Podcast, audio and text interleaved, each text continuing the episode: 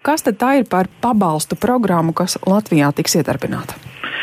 Izmantojot Eiropas Savienības fondu finanšu līdzekļus, veselības ministrija izstrādāja ministru kabineta noteikumus, kuri paredz kompensācijas tām ārstniecības personam, kuri izvēlas darbu reģionus. Ja.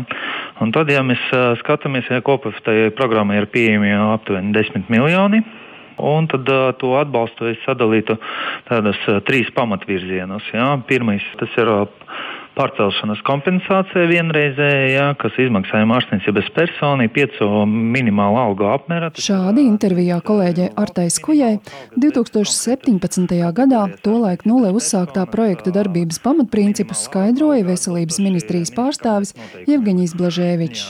Ārstam, medicīnas māsai, vecmātei vai ārsta palīgam, kurš izvēlētos strādāt reģionā, pienāktos vienreizējs pārcelšanās pabalsts.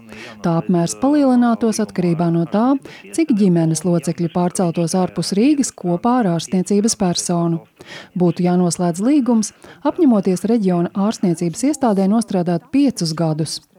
Šogad projekts noslēdzas. Viens no ārstiem, kurš vēl paspējis ielēkt tā priekšpēdējā vagonā, ir Gustavs Laurāns. Rīdzinieks, vidējo izglītību ieguvis Rīgas valsts vācu ģimnāzijā, no tās ar labām ķīmijas zināšanām un interesi par medicīnu startējis Rīgas Stradiņa universitātē. Par savas specialitātes izvēli stāsta Gustavs Laurāns. 5. un 6. gadā jau bija jāsāk kārtīgāk domāt, ko darīt, un slimnīcās varēja daudz arī dažādas lietas īstenot gan internējā medicīnā, gan ķirurģijā. Nu, tas, kas man ķēra visvairāk, ir tā ķirurģija, un tur var praktiski daudz ko darīt. Studiju laikā Gustavs Laurāns iepazinies ar savu nākamo sievu, apprecējies un izveidojis ģimeni. Pārim ir divi bērni. Kaļot nākotnes plānus, sākuši apsvērt iespēju dzīvot un strādāt ārpus Rīgas. Turpina Gustavs Laurāns. Bija vēlme aizrauties abiem no Rīgas prom. Bet kā jau visiem, negribās pārāk tālu no Rīgas. Nu, tas apvidus viss kopējās bija vidzeme. Es uzrunāju slimnīcu pirmās rezidentūras gada beigās, kad sāku dežūrēt cēsīs. Jo likās tāda pievilcīga slimnīca. Tās dežūras man tik ļoti iepatikās, ka dežūrēja, dežūrēja, dežūrēja, un tad jau mūsu dzīves ceļi sakrustojās tā un tā un tā, un tad jau sapratām, ka Cēlus slimnīcā arī strādāšu. Sieva arī ārste. Jā, sieva rezidentūrā būs ģimenes ārste. Par iespēju par pārcelšanos no Rīgas darbā uz mazpilsētu saņemt kompensāciju ķirurgam pastāstījuši kolēģi. Apmēram pirms gada, laikā, kad kārtojas certifikātu, Gustavs Laurāns arī pieteicies dalībai programmā.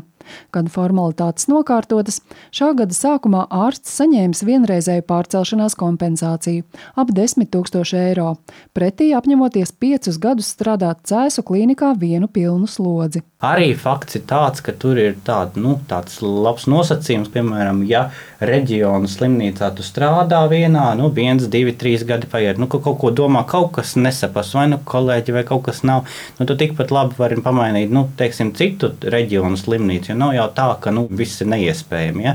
Piemēram, nu, no Cēsina kaut kā tuvāka slimnīca, tad viņi piedāvā vienkārši mainīt šo slimnīcu un viss turpinātos tādā pašā veidā. Bet, nu, jā, tas ir tāds pluss vēl.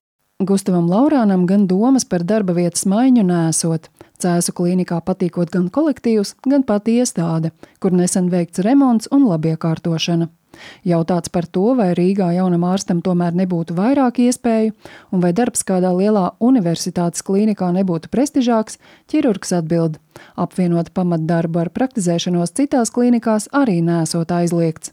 Taču viņam pirmajā vietā tomēr bijusi mazpilsētas kā patīkamas dzīves vides izvēle. Kompensācija nākusi kā noderīgs bonus.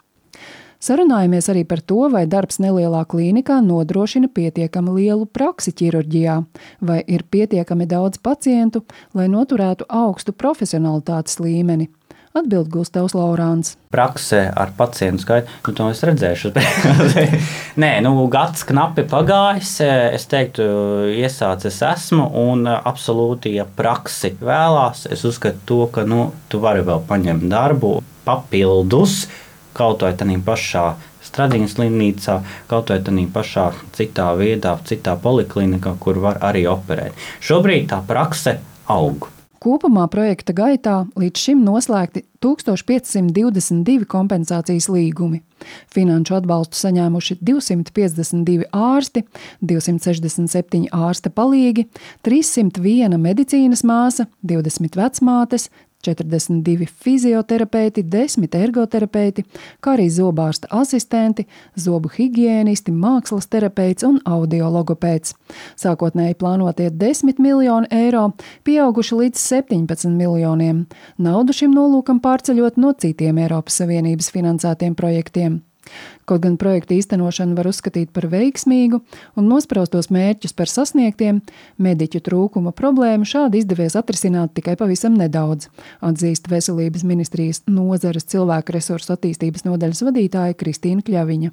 Attiecībā uz ārstiem speciālistiem situācija ir tāda, ka salīdzinot eh, ar Eiropas valstīm, tad mums ir apmēram tie paši skaiti, bet eh, izteikta ir novecošanās ārstu. Un otra problemātika, ka tieši uz reģioniem, kur ir visvairāk nepieciešami valsts pašvaldību slimnīcās, neatliekamai palīdzībā, noteiktās specialitātēs, viņu tātad mums ļoti trūkst. Un māsas savukārt šeit situācija ir dramatiskāka, jo māsas mums ir uz pusi mazāk kā Eiropas valstu vidējais.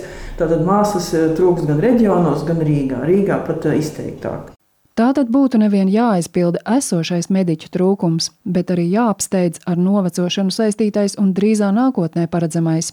Kaut gan ar šo projektu tas nesot izdevies, esot vismaz pārliecība, ka sākusies kustība pareizajā virzienā un ka šāds kompensācijas mehānisms darbojas. Gadījumu, kad kāds no projekta izstājies, arī bijis pavisam nedaudz, atklāja Veselības ministrijas pārstāve. Nu, desmit vai druskuļi pat patsmit, jā, bet, eh, jo tur atkal ir jāskatās, ja atkal, kurā mirklī tas eh, līgums tiek, tiek pārtraukts, ja, vai tuvu jau finišam, vai pašā sākumā, un kāda specialitāte. Un, un, kā tie gadījumi jau kā vienmēr ir individuāli skatāmi, bet mēs to nevērtējam kā kaut kādu kritisku punktu, ka tas būtu daudz vai ka tas stipri kaut ko ietekmē. Bet noteikts līgumā, ka tā nauda jāatmaksā jā. visa. Jā, jā.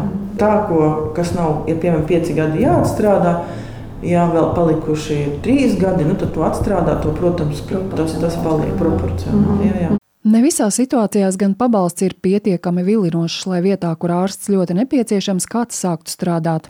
Piemēram, ir ģimenes ārstu prakses vietas, kuras nekādi neizdodas aizpildīt jau gadiem, kaut gan var iegūt gan veselības ministrijas kompensāciju par pārcelšanos vai prakses nodošanu jaunam kolēģim, gan dažādus labumus no pašvaldībām, kuras ir ieinteresētas, lai ārsti to teritorijā būtu pieejami stāsta Nacionālā veselības dienesta līguma partneru departamenta pārstāve Anita Zolmane. Ir tā, ka jaunie ģimenes ārsti ne ļoti raujas strādāt kaut kur perifērijā, līdz ar ko tās brīvās prakšu vietas mums principā tās, kuras ir, stāv diezgan ilgi.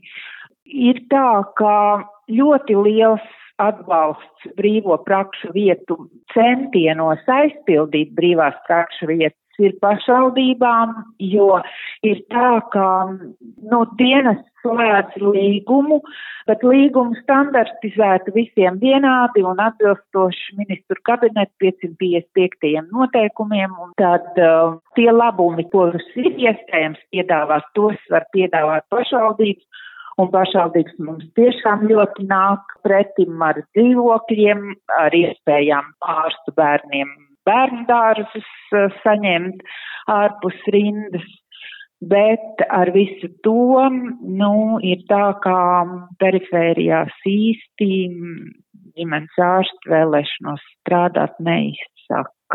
Attālākās vietās ārsti nevēlas strādāt gan tāpēc, ka tās ir mazapdzīvotas un prakses veidotos nelielas, kas finansiāli nav izdevīgi, gan tādēļ, ka nevēlas dzīvot nomaļus, norāda Anita Zalmane. Lai situāciju iekustinātu, pabalstu programmā vēl šogad aicināti pieteikties tikai ģimenes ārsti, bet, kā saka Veselības ministrijas pārstāve Kristīna Kļaviņa, cilvēku resursu jautājums ir komplekss. Nav šāds viens projekts, kas atrisinātu to Šeit ir darbs, ko mēs paralēli strādājam pie rezidentūras, ja mēs runājam par ārstiem, speciālistiem. Mēs mērķiecīgi aptaujājam ģimenes ārstus, kuri ir gatavi ņemt rezidentūru, ģimenes medicīnas rezidentus un veidot šo sadarbību jau rezidentūras laikā.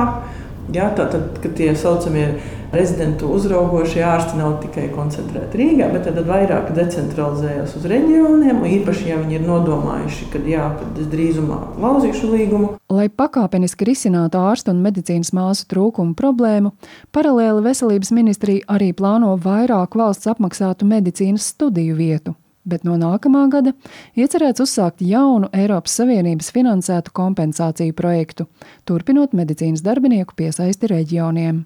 Zana Eniņa, Latvijas radio.